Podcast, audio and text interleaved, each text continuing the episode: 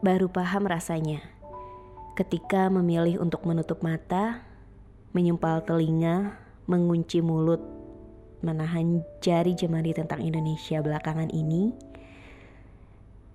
ternyata menjadi tidak peduli pelan-pelan mengeraskan hati. Tapi layaknya pasangan yang di tengah keduanya terselip cinta, sejauh apa pun pergi, sepatah apa pun hati, tidak ingin tahu satu sama lain selama batin terikat dan hati serasa semua tetap akan kembali. Begitu juga tentang Indonesia. Halo, penyiar story sekarang masuk di episode 17. Openingnya dari hati banget tahu gak sih? Gue tuh kayak lagi ngomong sama seseorang yang gue cinta banget gitu. karena kayak ketika awal banget kemarin tuh Indonesia dengan segala segala dramanya segala kejadian-kejadian yang nggak tahu berapa kali nangis nggak tahu berapa kali pengen pengen bertanya tapi nggak tahu mau nanya ke siapa pengen minta kejelasan tapi nggak tahu minta kejelasan siapa. Cuman kayak setiap pagi gue bacain berita, gue nyampein artikel-artikel yang gue temuin, gue ngeliat trending-trending yang ada di Twitter, yang ada di sosial media, itu gue kayak uh, patah hati kayaknya.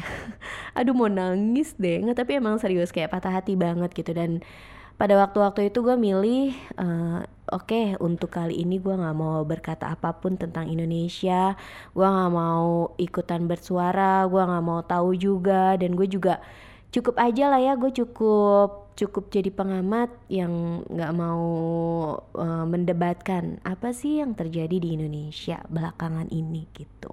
Tapi ternyata memilih untuk apatis memilih untuk tidak peduli kok pelan-pelan bikin hati keras ya kayak gitu. Jadi kayak kenapa kenapa kayak gini yang gue rasain itu ketika gue ngeliat mahasiswa pada turun ke jalan nangis.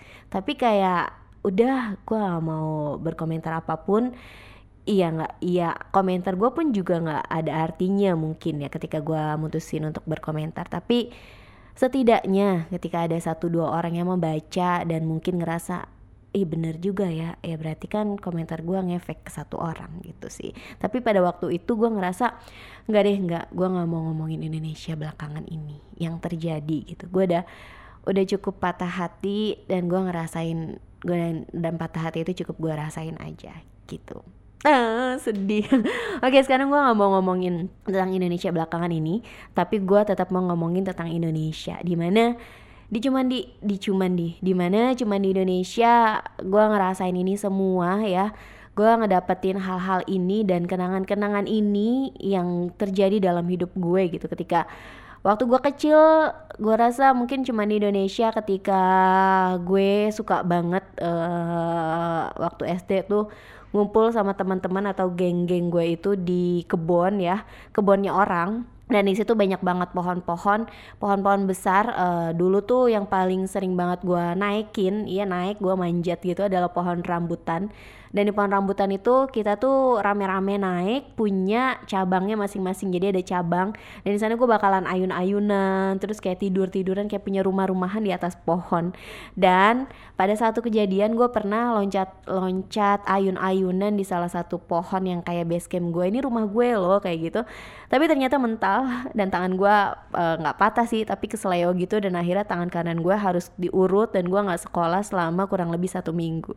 Gue yakin mungkin itu cuma ada di ya mungkin di Indonesia ya. Walau walaupun mungkin di luar negeri pun atau di negara lain pun melakukan itu tapi ya gue nggak tahu sih. Tapi kayak momen-momen lu ngumpul sama teman-teman lu di atas pohon ya.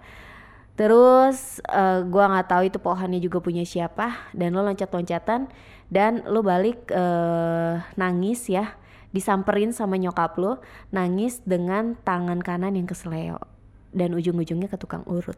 Tukang urut is the real hero atau the, the real pahlawan. Dan itu gue alamin di Indonesia. Kejadian lagi kayak gue pernah zaman gue kecil dulu ya itu kayak main petasan kalau abis sahur tuh zaman anak-anak generasi 90-an ya yang namanya abis sahur itu nggak ada yang namanya main sosial media di mana di zamannya dulu gue masih masih mainnya itu ya disamper nggak ada kayak ngumpul yuk ay uh, di WhatsApp grup WhatsApp enggak. Tapi lebih ke ayah kayak gitu. Terus oh, gue keluar nih subuh subuh jadi gitu gue tuh sering banget uh, sholat subuh berjamaah kan. Nah balik balik tuh kita semua ngumpul buat kayak jalan-jalan. Nah pas jalan-jalan itu gue mainin petasan korek. Dan sampai sekarang gue gak akan pernah lupa petasan korek ya. Karena kalau petasan korek itu kan di digoresin ya ke bungkus korek api yang yang yang lama gitu yang yang kayu bukan yang gas gitu bungkus korek api habis kayak gitu ditiup baru dilempar. Nah kejadian jadi gue mau sosokan gitu kan.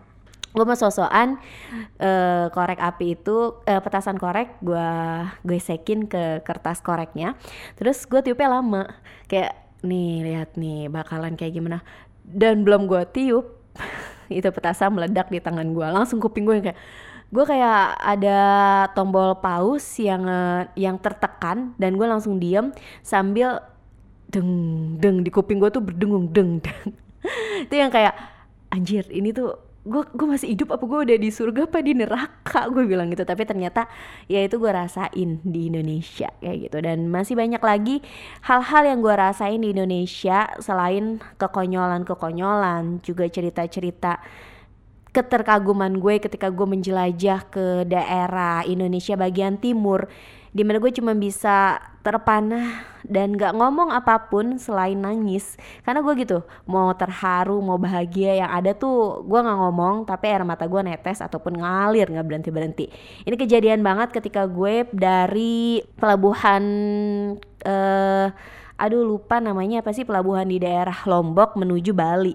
Dan itu kejadiannya malam ya. Jadi gue dari Lombok ke Bali itu naik kapal laut dan gue itu enggak masuk ke kabin tapi gue ada di, di deck ya dek kapal itu pertama kali laut perjalanan laut terjauh. Karena sebelumnya mungkin gue kayak ke Pulau Seribu itu hanya itu pun di siang hari yang cuman satu jam atau dua jam paling lama. Nah ini gue nyebrang dari Lombok ke Bali itu gue naik kapal feri dan gue tiduran di deck malam-malam. Nah itu yang kayak ngerasa Wah, aduh kalau inget keindahannya itu gue nggak bisa ngomong apa karena di bawah gue itu ombak laut ya kan, air dan bunyinya itu bunyinya ombak bercampur sama angin, anginnya angin malam dan ketika gue ngedengadah lihat ke atas karena kan gelap ya lautan ya, itu semua langit isinya bintang, bintang-bintang banyak banget dan di situ gue nggak bisa ngomong apa-apa, gue nggak ngomong apa pun tapi gue nangis, air mata gue netes dan gue kayak bersyukur banget kayak gue bisa ngelihat pemandangan ini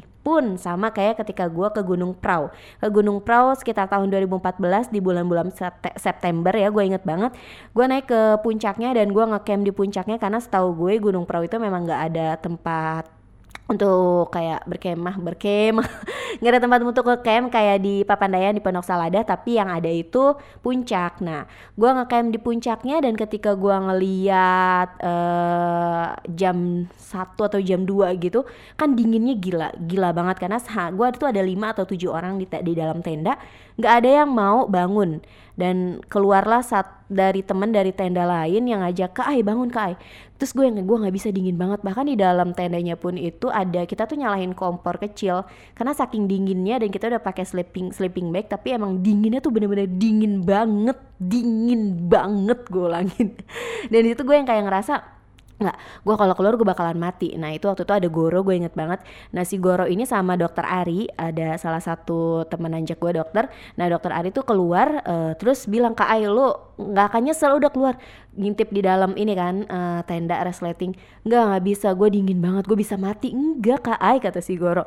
Ngingetin gue banget terus kata si Goro ini keluar kak Ai kalau nggak lu nyesel. Terus gue ngelirik dong ngelirik dan pala gue nongol ke luar tenda. Wah terdiam speechless nangis. Gue tuh yang kayak aduh nggak bisa nih dingin banget emang. Tapi akhirnya gue mas uh, eh, gue tutup dulu tenda gue double baju kaos baju kaos tuh sampai tiga empat. Bisa itu ditutup pakai sweater yang parasit yang kebal kebal dingin gitu ya kan? Nah pas gue keluar akhirnya gue udah mulai kayak gitu gue sumpel telinga gue gue pakai kaos kaki pokoknya serapat mungkin gue keluar bareng Goro sama dokter Ari itu dan gue terdiam gue nangis gue ngeliat langit isinya bintang semua tapi langitnya nggak nggak nggak gelap. Kalau waktu gue di perjalanan laut langitnya gelap dan bintangnya itu cahaya banget gitu. Nah ketika gue di gunung puncaknya gunung Prau itu langitnya ungu ungu ungu atau biru ya.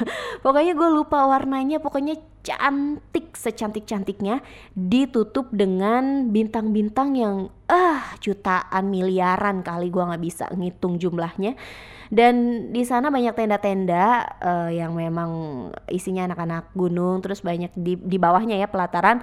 Juga ada rumput-rumput yang nggak kelihatan karena gelap. Tapi ketika gue menengadah ke langit aduh nggak bisa ngomong apa-apa gue nangis. Dan dan ini ada di Indonesia. Aduh pengen nangis deh kalau inget itu.